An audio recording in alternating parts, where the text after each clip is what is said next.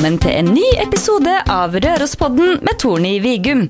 I Rørospodden så inviterer jeg ulike personer tilknytta Rørosregionen som har en unik historie å fortelle, som gjør at du som hører på, kan bli inspirert av deres historie. I dagens episode av Rørospodden så har jeg med meg en kar som eh, står mer på hælen enn på føttene. Så når han står på føttene, så sier han at han står feil vei. Hjertelig velkommen til deg, Mikael Kristiansen. Tusen takk. Du, Kan du fortelle litt om deg sjøl og din tilknytning til Rørosregionen? Ja, det kan jeg vel. Eh, Jeg vokste opp her. Jeg Bodde i Garlån da jeg var liten. Flytta inn til Røros eh, med mor mi. Det var ni eller noe sånt, tror jeg. Så ja, gikk, gikk eh, grunnskolen og videregående her. Starta med karate liksom, på karateklubben under Dennis Knutsen og Terje Moe. Det var liksom min store første som var møte med noe som jeg syntes var kjempeinteressant. Jeg gikk videregående, og så bestemte jeg meg for å studere på Universitetet i Oslo. Så da studerte jeg antropologi der i et par års tid. Og grunnen til at jeg flytta til Oslo spesifikt, var for at jeg var, ville studere videre i, i den her Tani Hashitoryu, som var den karatestilen som de hadde her på Røros. Så ja, jeg bruker nå for å jobbe hit i jula og sommeren og sånt, og besøke. For du, altså dem som ikke kjenner deg, da, du er jo en hva du kaller en balansekunstner? Ja, balanseartist, sirkusartist, Balans. et eller annet. Men det er jo ikke bare det å stå på hendene og balansere du har holdt på med. Du har jo òg holdt på med noen ting som heter for origami. Er det riktig uttalt? Ja, eh, origami, japansk papirbretting. Eh, Hva er det? Jo, altså det er vel um, altså generell papirbretting. Det er jo vanlige tingene. Er fuglen og frosken og blomster og sånne ting. Mor mi kjøpte meg bok da jeg var liten, tror jeg. Seks-sju kanskje. Så bretta vi noen forskjellige greier. Jeg husker vi skulle brette en pingvin som jeg ikke fikk til. Og jeg er sta generelt. Og jeg var dritforbanna for jeg ikke klarte den der pingvinen. Så endelig så fikk vi til den pingvinen, og så kjøpte mor mi altså Hun, leide, hun lånte meg en bok på biblioteket, tror jeg, som var med noen mer avanserte modeller. Og så tok det liksom litt av derfra. Og, ja, Lærte du deg alt sjøl, bare etter eh, tegninga fra boka? Ja, altså fra bøker. altså Du har to måter å måte, hva skal si, videreformidle en origami-modell. Du har det som heter diagram, som er liksom steg for steg brettesekvenser. Det gjør du på ganske sånn, enklere modeller. Og så har du det som heter den kaller crease pattern, altså sånn brettemønster på engelsk. og Det er bare et kvadrat av masse, masse linjer, der du ser hvor linjene skal gå hen. eh, og så må du løse på en sjøl derfra. Så alle de mest, mest avanserte modellene går derfra, for at det, det er liksom tusenvis av steg, altså, hvis en skal liksom legge det i, et, i en sekvens. Hvor mange år har du holdt på med det? Du har holdt på siden du var sju, var det så? Må vel være 25 år, da. Noe sånt nå. Mer. 6, 7, 28 år. Hvor lang, tid, eh, hvor lang tid bruker du på å brette en figur? Det kommer sikkert litt an på hvilken figur det er, men eh, ja, det, det er veldig avhengig av liksom, modellen. Skal vi se. Altså, de, dem, som er komplekse, da, som er forholdsvis vanskelige og som tar ganske lang tid, de kan ta mellom en, ja, 5-15 timer, kanskje. Så har du noen som er liksom oppi ja, 20 timer osv. For at du har det, Du først skal på en måte skape basen, da, som egentlig bare ser ut som sånn her um, bare sånn geometrisk pinnefigur, egentlig. Der du har alle bitene av modellen er på plass, men så skal du få liv i denne greia. og Der kommer liksom litt av magien inn, og det er det som tar mesteparten av tida, da, etter du på en måte har funnet ut av liksom altså den praktiske matematikken. Jeg er ikke noe flink i matematikk, men i, det her er jo liksom en praktisk bruk av matematikk på en annen måte, som ja, du lærer intuitivt. Så det blir på en måte som å lese noter, det å lære seg å lese de her brettemønstrene. Men den som jeg bretta lengst, eller den som tok meg lengst tid, var en drage. Den brukte et helt år på å brette ferdig. hvor eh, Ja, du må ha virkelig litt av en tålmodighet da, skal du holde på med det her. Ja, jeg, jeg satt på sånne russiske orig- origamiforum med Google Translate for å prøve å finne ut hva som skulle gjøre den finner, det, ingen, det var i 2012, og det fantes ingen informasjon på internett annet enn der. Det var noen som hadde bretta den og liksom vært på noen seminar som hadde des- designet den osv. Så, videre. så jeg vet jeg brukte hundrevis av timer på den der. Var to ganger to meter papir. Men uh, hvor stort er miljøet i Norge for det her? uh, siden du måtte ut til Russland for å finne ut Ja, altså det, det er meg og en som heter Øystein Nilsen eh, fra Kirkenes, der mor mi er fra, faktisk. Det er ganske fascinerende. Uh, mor mi kjenner mor hans og greier. Og vi er de to eneste omtrent som holder på med avansert origami i Norge. Eh, det er noen få i Sverige, eh, men det er en del i Øst-Europa. Så det er mye i Frankrike og, um, og England er det en stor, stor del. Men jeg har aldri vært på noen sånne her conventions eller sånne ting sjøl. Så du bare holdt på sjøl, rett og slett, du da? Ja. Det, hver gang at jeg finner ut at nå, den her skal jeg brette, så bare setter jeg meg ned, og så er ingenting annet som spiller rolle. Glemme å ete og alt mulig, bare sitte og Og sitter bare og bretter. Ja.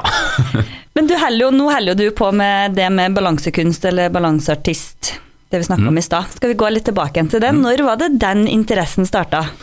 Um, hvis jeg ser tilbake, da, så som jeg, jeg nevnte det her med at jeg, um, jeg gikk jo på i Røros karateklubb, så jeg brukte alltid etter treningene så begynte jeg å gå på hæren. Um, jeg vet ikke helt hva som gjorde at jeg begynte å gjøre det, jeg syntes vel bare det var artig. Så jeg prøvde liksom, jeg visste ikke at det gikk an å stå stille på hæren heller, så jeg bare prøvde å gå rundt.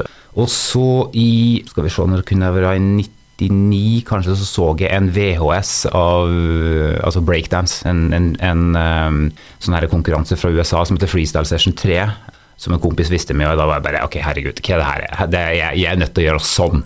Jeg var bare helt totalt fascinert av de greiene der. Med breakdance, det var det du ble fascinert over? Var Ja. dansen først? Ja, så liksom, jeg, helt, jeg ble helt eh, besatt av det. Jeg hadde jo ikke noen som jeg kunne lære av, eller noen ting her, så jeg satt bare og glante på den der filmen om igjen om igjen, om igjen, og liksom prøvde å få med meg noe der. Det var ikke så lett, men eh, jeg lærte meg lite grann ut av det. Og der var jo mye sånn der, der prøvde jeg å stå på hælen, for at jeg tenkte ja, det er sikkert praktisk. Eh, og jeg var, jeg var jo i ganske dårlig form på en av tida der. Jeg var liksom virkelig ingen atlet. Jeg var liksom dårligst form i hele klassen omtrent. Jeg, klarte, jeg husker jeg klarte ikke å springe 3000-meteren når jeg gikk, på, gikk første året på videregående. Det var helt forferdelig eh, pinlig, men jeg klarte ikke. Eh, men jo, altså jeg starta med det der. Jeg skulle gjøre sånn, og så etter hvert så ja, jeg flytta til Oslo, og der uh, traff jeg en, uh, en eh, kar som er fremdeles en veldig god venn av meg, Adil Khan. Han som var oppe her og hadde foredrag. Han hadde foredrag, han snakka jo om deg òg. Ja, Du var vi- jo den som fikk han inn på dansefeber. Ja, ja, jeg husker han sa nei, nei, jeg dropper. Og så sa jeg ok, da går vi på Esso, så spiser vi burger. Skal jeg forklare til deg hvorfor du vinner hvis du blir med? sa jeg til ham. Så gjorde vi det, og så vant han. Så det var ikke så vanskelig for meg å se på det tidspunktet. Men ja, vi er fremdeles veldig gode venner. Men han, altså jeg flytta til Oslo, han var den første kompisen min der. Um, så jeg gikk inn på en butikk som heter Gene TV, sånn sånn skateboardsjappe. Så spurte jeg om de hadde sånne spesielle luer for, å, for å gjøre headspin, snurre på huet med, liksom. Og så var han som sto i kassen, og han visste jo ikke jeg lurte på, liksom. Og så begynte vi å snakke der, og han uh, syntes jeg var trivelig, jeg syntes han var trivelig, jeg hadde god kommunikasjon. Og så inviterte han meg med å trene, og så videre, og så ble vi bare venner etter det. Så jeg så den nå i forrige uke når jeg var i Oslo. Så um, det var en måte introduksjonen min til hele den greia. da. Uh, så jeg holdt på med breakdance i Oslo i mange år. Og så, Så det starta med, med breakdansen. ja, ja, det var veldig mye liksom Det var en ganske lang periode av det hele, og så traff jeg på en kar der i, i Oslo, en som heter Corey Tabino fra USA. Han er liksom han stående artist, en sirkusartist som har jobba for Circus Soleil og hiten diten. Eh, og han bodde i Oslo, eller han var i Oslo i et halvårs tid. Så trente jeg under han, og var meg og to andre jenter. Um, og så introduserte han meg på en måte til den kunstformen og liksom, ja, moderne sirkus uh, som performance osv. Eh, og da var jeg ferdig med bacheloren min i antropologi i Oslo, og så tenkte jeg bare ja, men det er jo det her jeg bruker all tida mi på lell, så jeg må bare kjøre på.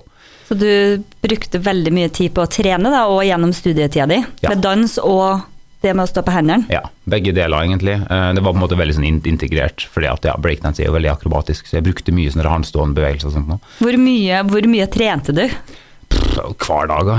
Eh, I timevis. Altså, jeg hadde vel en periode av livet mitt der jeg praktisk talt kanskje hadde to hviledager i året i over ti år, liksom. Det var helt Det var for, mye, og jeg har blitt smartere siden den tida. Du lærer jo ikke så mye av å bare overdrive. Men eh, Du er jo veldig dedikert, da. Jo, litt for dedikert iblant. Um, altså, men må vel Altså, det å være dedikert dreier seg også om å ta et steg tilbake når du vet at du må, for ellers så får du ikke noe ut av det, liksom. Eh, hjernen lærer jo ingenting av å bære være i høyre hele tida, du må jo òg liksom gi slipp på samme muskulatur osv. Men det begynte jeg å lære mer om da når jeg flytta til Stockholm, for etter han der Corey reiste fra Oslo, så tenkte jeg at jeg var nødt til å ta det seriøst. Og på det tidspunktet så kunne jeg sikkert liksom lekt stor fisk i liten bolle og blitt boende i Oslo og prøvd å etablere meg liksom som artist der, men jeg skjønte at jeg, liksom, jeg kunne jo egentlig ingenting. Jeg visste ingenting om performance og det å stå på scenen osv.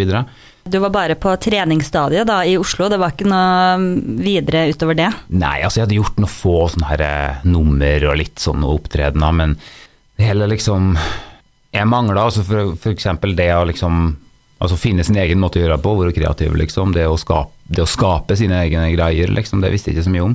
Så jeg fant en skole i Stockholm som heter Dans- og sirkushøgskolen. Som jeg ikke visste noen ting om. Jeg hadde hørt at det var en sånn ikke så høy nivå skole, men det var jo helt feil. jeg søkte audition og kom på audition og var helt sjokkskada. Jeg trodde det skulle være noen mest svensker og noen finner osv. Det var bare liksom Vi var 80 stykken, og det var liksom fra hele Europa. Masse franskmenn og spanjoler og alt mulig. Jeg bare ok, hva gjør jeg her, liksom. Men jeg kom inn av en eller annen grunn, og da var jeg jo bare full pinne derifra, liksom. Hvor mange plasser hadde de? Mm, jeg tror det var 300 søkere, og så var vi 17 som kom inn. Så det var 80 stykker på audition som var tatt dit. Da var jeg stressa. Altså. Jeg, hadde, jeg hadde aldri vært i en sånn der kontekst som det før. Jeg hadde aldri, aldri tatt en teaterklasse. Liksom. Her var vi nødt til å gjøre improteater og liksom nødt til å gjøre improteater. Uh, vi var nødt til å gjøre dans, både koreografi og impro. Vi var nødt til å gjøre fysiske tester, liksom løpetest, styrke, styrketest, uh, akrobatikktest, fleksibilitetstest, uh, masse sånne kreative øvelser, og, og, og, og samtidig vise opp da, et nummer som vi hadde skapt før. Så det var hele hel uke liksom, med fulle dager. Og jeg kom nå gjennom, og der var jeg liksom skjønte jeg at ja, nå er jeg jo på en av de beste plassene i verden. Det er jo en av de beste skolene som finnes. Så det er liksom den mest ettertrakta skolen nå i Europa å gå på. Så da skjønte jeg jo at ok, her er bare å dælje til. Det skjønte jeg at ok, det er en grunn til at jeg, er bra nok til å være her, liksom. På en eller annen måte. Så da er det bare å ta i. Og ja, det var liksom Det var starten av det hele. Altså, der studerte jeg under som Hans Stående-messig, studerte under en gammel russer som heter Aleksandr Gavrilov. Og. Hver morgen skikkelig liksom, stenansiktgubbe. Veldig, veldig rund og fin og sånn artig gubbe, da, men han visste ikke hva som skulle gjøres. Jeg ser for meg at det var ganske strikt eh, regime da, når det er snakk om eh, at det var en russer som var trener. Ja. De var kjent for det? Ja, det, det, er ganske, det, er ganske, det, er en måte å gjøre det på, liksom. Uh, og det er faktisk ganske det òg med her, liksom, denne typen trening. Det er superteknisk, liksom.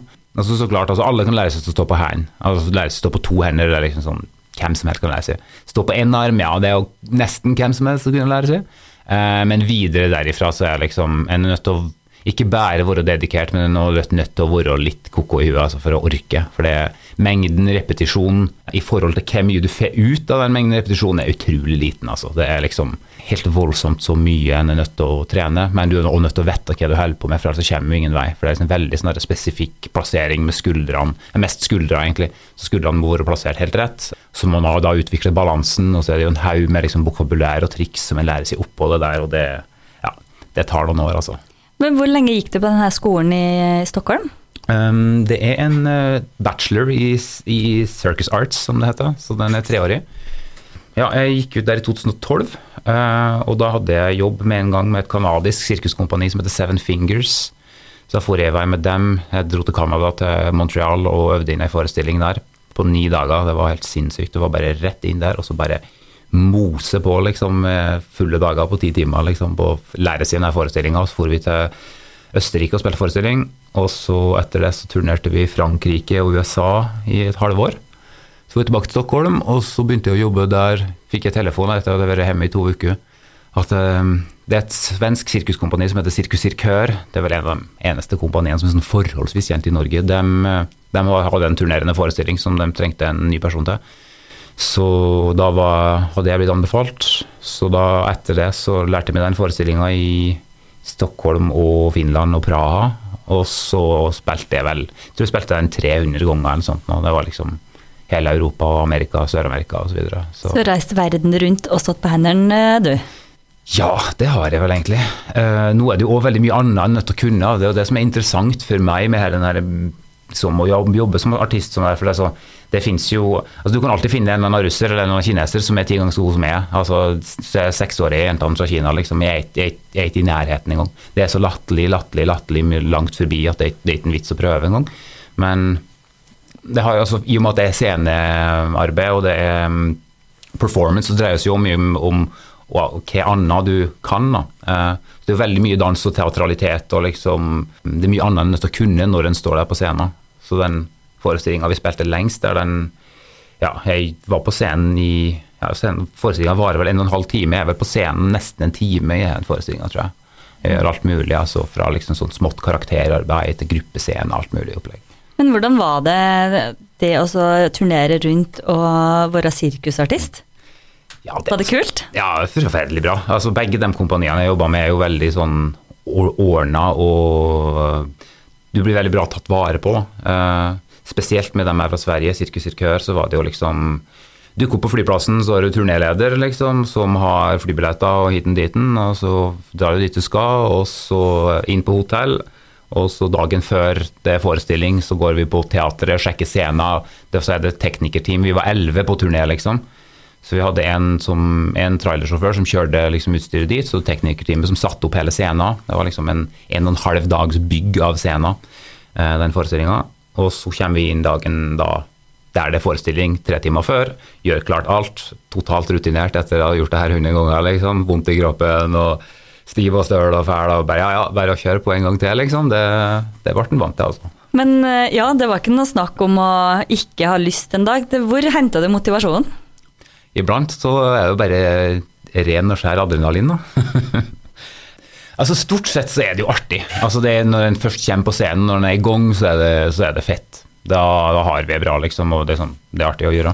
Men det er noen, noen tunge dager. Vi spilte stort sett denne forestillinga fem dager i uka. Og forestilling fire og fem, de slet altså, iblant. Jeg hadde vel den tyngste rollen i den forestillinga. Jeg var liksom oppe på makspuls, så sånn der hyperventilering to ganger der. og liksom, Så jeg har to scener med ganske høyt nivå, handstand-greier. En der jeg er kjempehøyt oppe, og hvis det er trynet, så går det galt. Og jeg, jeg, gjør utrolig mye andre greier, og ting som har med andre sin sikkerhet å gjøre, liksom.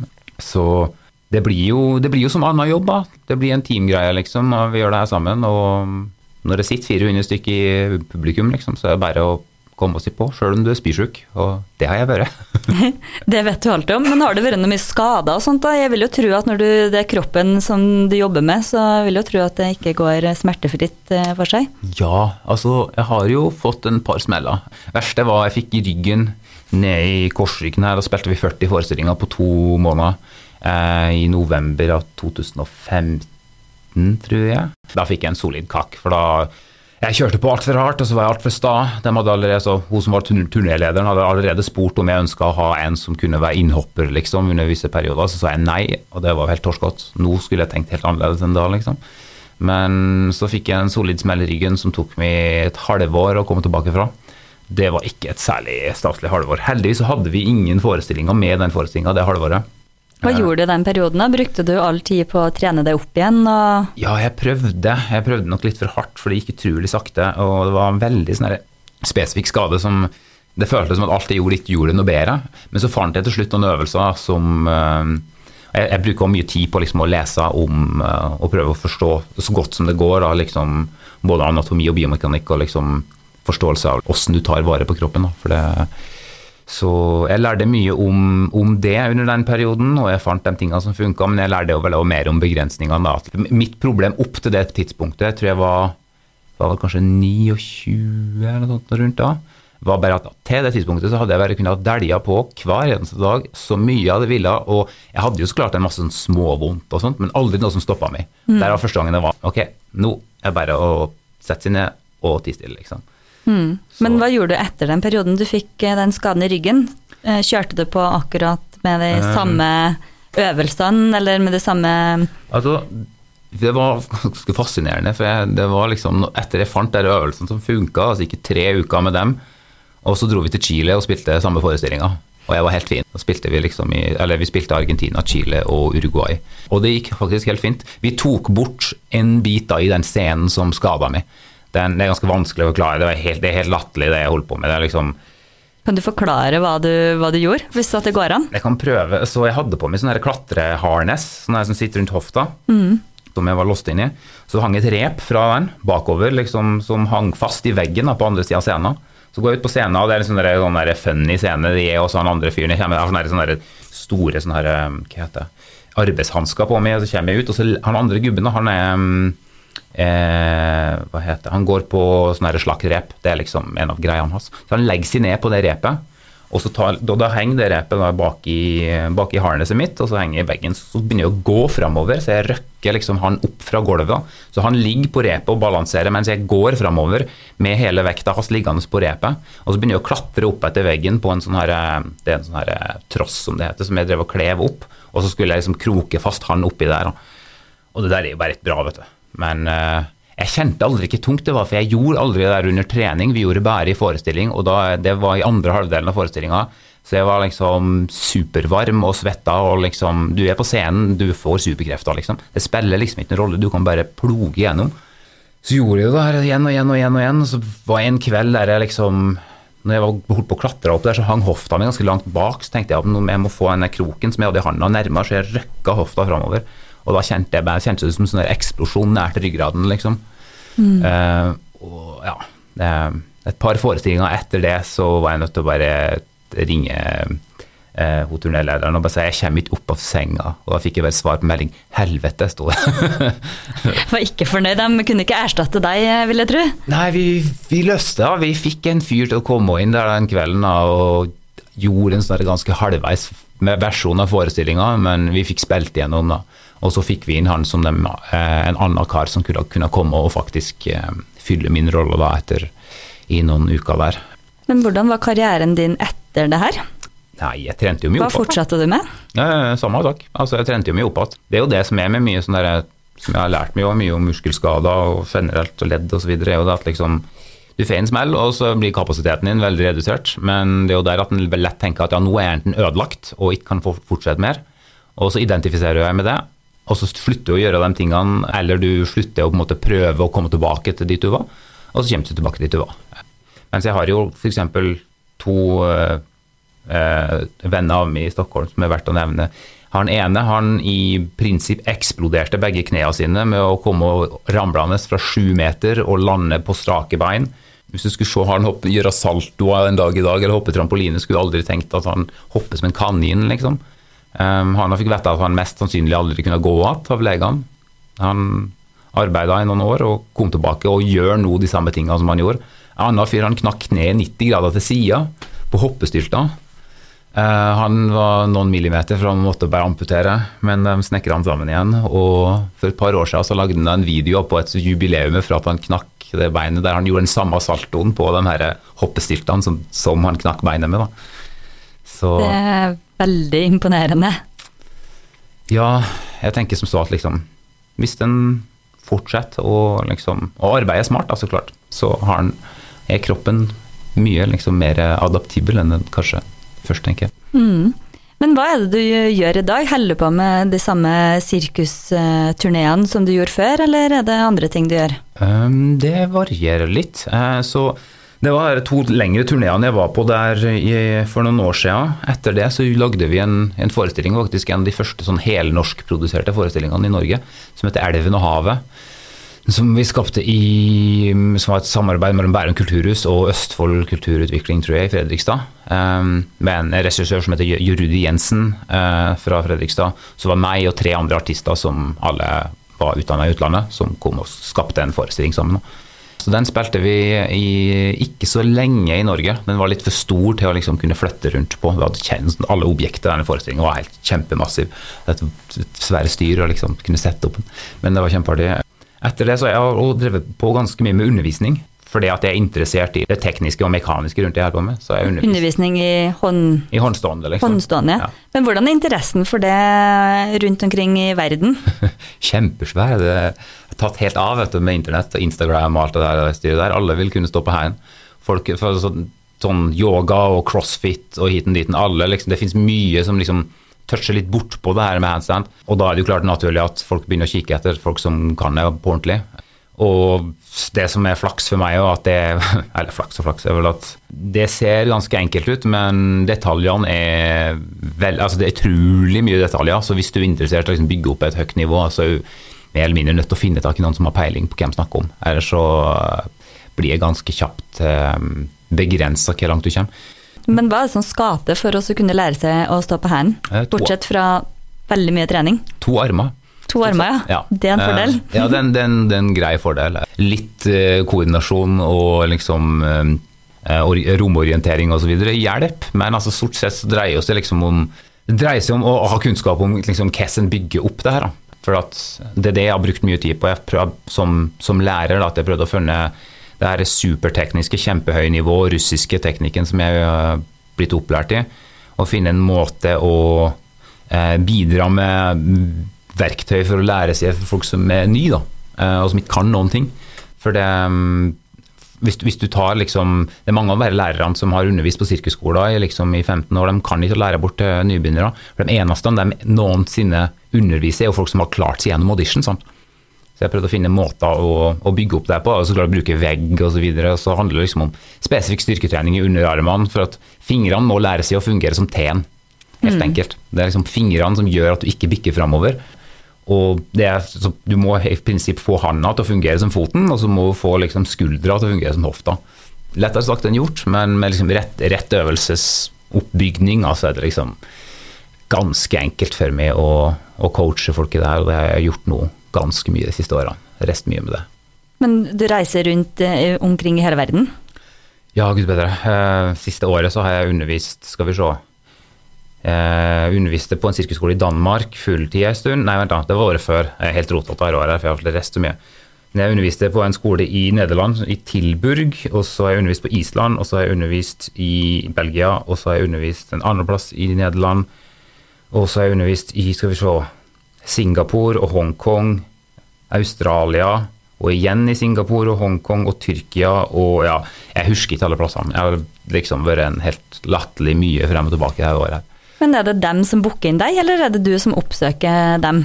Uh, litt begge deler. Um, nå er det vel mye det at folk oppsøker meg, for jeg begynner å bli forholdsvis kjent på internett.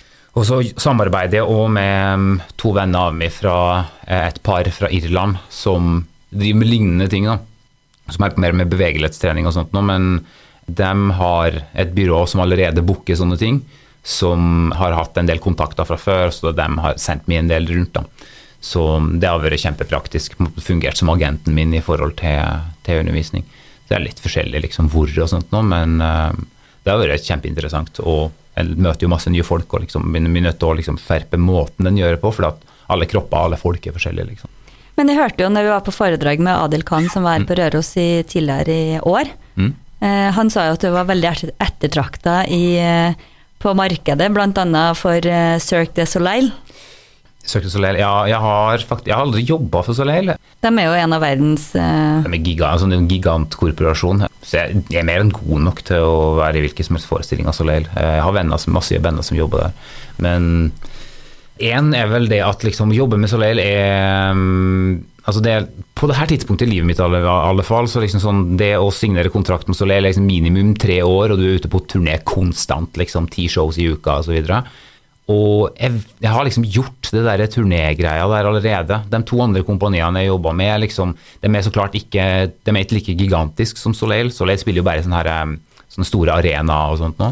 Mm. Men alle dem jeg spiller med, spiller på store teatre liksom, for hundrevis og tusenvis av folk. Liksom. Så jeg tror vi spilte den der eh, Knitting Piece som jeg spilte med, med, med Sirkør. Vi spilte den for over 100 000 folk, tror jeg. Jeg mener 200 000, altså jeg husker ikke. Var fall, jeg var helt sjokkert når jeg hørte de numrene med folk vi hadde spilt for, i alle fall. Jeg har jo det nivået at jeg kan jo, jeg kan jo jobbe med det her hva som helst hen. Så liksom jeg har kontakter rundt omkring. Eh, jeg har jobba på alt fra liksom sånn luksuscruiseskip til ja, sånn eh, hva heter det, bare sånne eh, firma-events eller liksom ja, turnerende forestillinger. Så jeg har liksom gjort hele linja med det der greiene der nå, da. Så hvis jeg hadde altså sånn Jeg har jo liksom sikkert kunne hatt muligheten til å jobbe med Soleil hvis jeg hadde prøvd å pushe på det, men jeg er egentlig litt glad for å ikke gjøre det. Du er ferdig med turnélivet? Ikke helt, ikke Nei. helt. Men um, det, også, det som er med sånn som Cirque du Soleil, er at det er veldig sånn ovenfra og nedstyrt, liksom. Det er litt McDonald's. Altså, det er vel, det er, de lager mye bra, men det er liksom Alt er koreografert. Det er noen andre som bestemmer. Det er tjukke lag med sminke og liksom alle er på en måte utbyttbare der. da. Mm. Uh, og det er det jeg syns har vært mer spennende med å spille med de mindre kompaniene. Det blir litt mer personlig. Um, I den her, de to forestillingene jeg spilte, så er det sånn at f.eks. i den her, um, ene av Sirkør, så var det jo sånn at hvis han andre typen Vi var to karer, altså tre jenter, i den forestillinga. Hvis han andre typen hadde blitt skada, så vet jeg ikke hva vi skulle ha gjort. For han var um, han gikk på slakterep. Han spilte fiolin. Han er ekstremt god fiolinspiller. liksom. Så det, han, var en, han, var en, del av liksom, det var livemusikk og så videre, og livesang og hei og hå. Og han var en av dem som spilte musikk, liksom. Så du kan liksom ikke finne den kombinasjonen person og bare bytte ut med. da. Og heller ikke sammen med meg. Det var mange av de tingene jeg gjorde i forestillinga som var liksom spesielt bygd opp for at jeg kan gjøre de tingene. Og da blir det litt mer sånn at du føler at du er en del av det. da. Men hvordan er det å leve av det her? Hvem skal si? Altså, det, det, det krever jo noen offer, da. Det gjør jo. Altså, men det er jo med alt. altså får du en stabil jobb og liksom har det på den måten. Så jeg har all respekt for alle som gjør det, det er kjempefint det. Men du ofrer jo noen ting da. Det er jo visse deler av frihet eller liksom sånn andre ting som en kanskje skulle ønske at en kunne ha gjort, som en ikke får gjort, for at en har den her friheten eller den sikkerheten. Da. For meg er jo liksom Jeg er sikker på å ha frihet, men øh, øh, altså igjen, det er jo kanskje andre ting som er vanskeligere for meg å gjøre, eller som har vært vanskeligere for meg å gjøre over de siste fem årene. Liksom. Men for meg så er det litt sånn at liksom, jeg, jeg, trenger ikke å holde på med dette for alltid. Nå har jeg liksom eh, altså i alle fall det her turnélivet, nå har jeg liksom andre ting i forhold til denne undervisninga. Altså, jeg skulle kunne få meg liksom fulltidsjobb på sirkusskole liksom, hvis jeg skulle eh, som lærer. Mm. Eh, jeg har også flere ting liksom, online som har med undervisningsmodeller og sånt noe, som, som jeg har, da, som gjør at det går òg an å få en mer en måte, oversiktlig og liksom, stabil livsførsel, om jeg skulle ønske det. da. Men um, jeg vil stå på scenen noen år til. Jeg har fremdeles krutt att, liksom, så jeg tenker at uh, ja, når en en kan ikke gjøre det for alltid, liksom, og det vet jeg, og det er helt greit. Jeg er helt klar over det, og det, ja, det er noen ting jeg ofrer, liksom, og det, det, det, er risikofylt. òg. En kan få en smell, men kan nå når det er glatt ute. En kan bikke og knekke ofte. Man vet aldri. Liksom, ja. Hvordan ser framtida ut, eh, Mikael? Jo, altså nå etter jul skal vi se hva det ser ut da. Jeg fer til Finland en sving eh, og skal undervise litt der i starten av januar. Og så starter jeg faktisk en produksjon med to norske jenter. Det er faktisk to av dem som jeg starta i Oslo da, sammen med han der Corey-karen. Um, de driver et um, altså De er forholdsvis etablert der som artister, og de har uh, fått midler til å utvikle en forestilling som har arbeidstittel Fritt fram. Um, som skal mest sannsynlig spilles med liksom Kulturelle skolesekken osv. Så, videre. så vi har tre artister. Uh, så vi skal begynne å skape den forestillinga i januar. Så da drar vi til Danmark. Og så skal vi ha det som heter det er kunstnerisk residens der. liksom. Mm. Der vi jobber i to uker og begynner å utvikle material. Og så skal vi da utover våren, sommeren og høsten. Jeg tror premieren på forestillinga skal være i oktober. Og forhåpentligvis da så spiller vi nok rundt den rundt omkring i Norge. Det er rart om vi kunne spilt den på Røros. Ja, det tenkte jeg skulle spørre om. Kan du ikke komme hit og ha en liten uh, det burde jo gått an. Altså, jeg mener, kulturelle, altså, de, de, tar vel inn sånne ting på, på verket og så videre, for skoler og sånt. Storstugge. Ja, ja. Nei, så, ja, storstugge, mener jeg, ikke verket. Så um, ja, det, det hadde vært artig å få til. Jeg har jo aldri egentlig, egentlig gjort noen ting oppå her. Jeg har jo stort sett befunnet meg i utlandet. Det er jo en litt sånn trist ting av meg å holde på med det her at liksom Jeg får alltid det her spørsmålet når jeg er i Norge, liksom, går an å leve av det her? Liksom, hva er det du, altså, med undertonen, hva er det du holder på med? Den, den får jeg. Mm. Eh, og det som er interessant, er ferie til Sverige, liksom. For i det her, her kompaniet jeg snakka om, Sirkus Cirkør, de starta i 95. Og i 98 så hadde de allerede forestillinger oppe å gå. I 2000 så hadde de en, sånn her, en privat liksom, utdannelse, da, som var, et, det var ikke en profesjonell utdannelse, men det var liksom et program da, som de hadde for å liksom, starte å utdanne, utdanne sirkusartister. I 2005 så ble det mm, programmet tatt opp av dansehøg, dansehøgskolene, som da ble dans- og sirkushøgskolene. Så liksom, det ble en del av akademiet, som gjør at når det kommer til liksom statlige midler og sånt, og det fins for den kunstformen. Hvis du, hvis du går inn og liksom f.eks. Konstnærsnemnden, som er en sånn statlig greie du kan søke midler fra, så fins sirkus som en egen rubrikk å søke i. Du trenger ikke å søke som dans eller teater, da, som du er nødt til å gjøre i Norge f.eks. Eh, og i Sverige så er det jo litt sånn altså, alle kjenner noen som har sett en forestilling, eller kjenner noen som kjenner noen som er sirkusartist. Det er, liksom, det er, en, det er en, greie der borte for, for at det her eh, det har holdt på så lenge der. Og sånn er det i Finland og en del ute i Europa. Det er bare at Norge liksom har et, det har kommet over kneika med det der. Og, Henger litt etter ennå. Ja. Har litt å lære av eh, nabolandet. På det feltet definitivt. Så det er få som blir boende i Norge pga. det. Har du noe livsmotto som du lever etter? Livsmotto? Hmm. Eller er motto, da. Skal vi se. Du liker? Uh, jeg vet ikke. Jeg er egentlig ikke så glad i sånne motto. Um, fordi at jeg, jeg synes, en veldig, altså det, det, Hele ideen med motto er jo å klare å liksom kondensere masse masse ting inn i én eller to korte setninger. Og da liker jeg heller å lage kjempelange setninger. Det er kanskje antropologen i meg som begynner med det. Altså det som er viktig for meg, er vel det å liksom altså bruke tida på det som er verdt noe for meg, liksom. Og forhåpentligvis har vært noe for andre, liksom. Og det at jeg gjør noe positivt for meg sjøl som gjør at jeg forandrer meg sjøl på en bedre måte. At Mm. jeg kan være en bedre person, liksom. Og jeg ønsker ikke å være en, sånn, en egoist heller som bare kjører mitt eget løp. Altså, jeg, så klart liksom ønsker jeg å kunne bidra til andre mer. Det, det, det er en motivasjon for meg til å undervise. Mm. At liksom jeg vil kunne, Når du står på scenen og gjør det her, så bare viser du se her, det her er umulig, det her kan ikke du gjøre. men så vil jeg jo kunne møte deg liksom face to face og si at ja, men det her er helt totalt mulig. Det dreier seg om så å arbeide på denne måten og liksom legge inn timene. Og det som inspirerer meg, er vel å få andre som jo gjør lignende ting. For en trenger ikke liksom å, trenger ikke å ta til profesjonelt nivå, det trenger ikke å være ting som er mm, liksom verdens beste, men liksom entusiasme, da. Eh, entusiasme er liksom altså sånn, Jeg husker jeg var en Jo, nå har jeg faktisk et motto eh, som jeg husker eh, Vi hadde en gammel gubbe der han hadde, eh, som vi hadde på, på den sirkusutdannelsen. Så vi hadde en sånn kreativ workshop med han ei uke. Han 75, tror jeg han var. Liksom, sånn, han hadde utrolig mye interessant å si, ja, kjempemye liksom, eh, livsvisdom, den gubben, men så sa han at han likte å se på seg sjøl som en generell entusiast, sa han.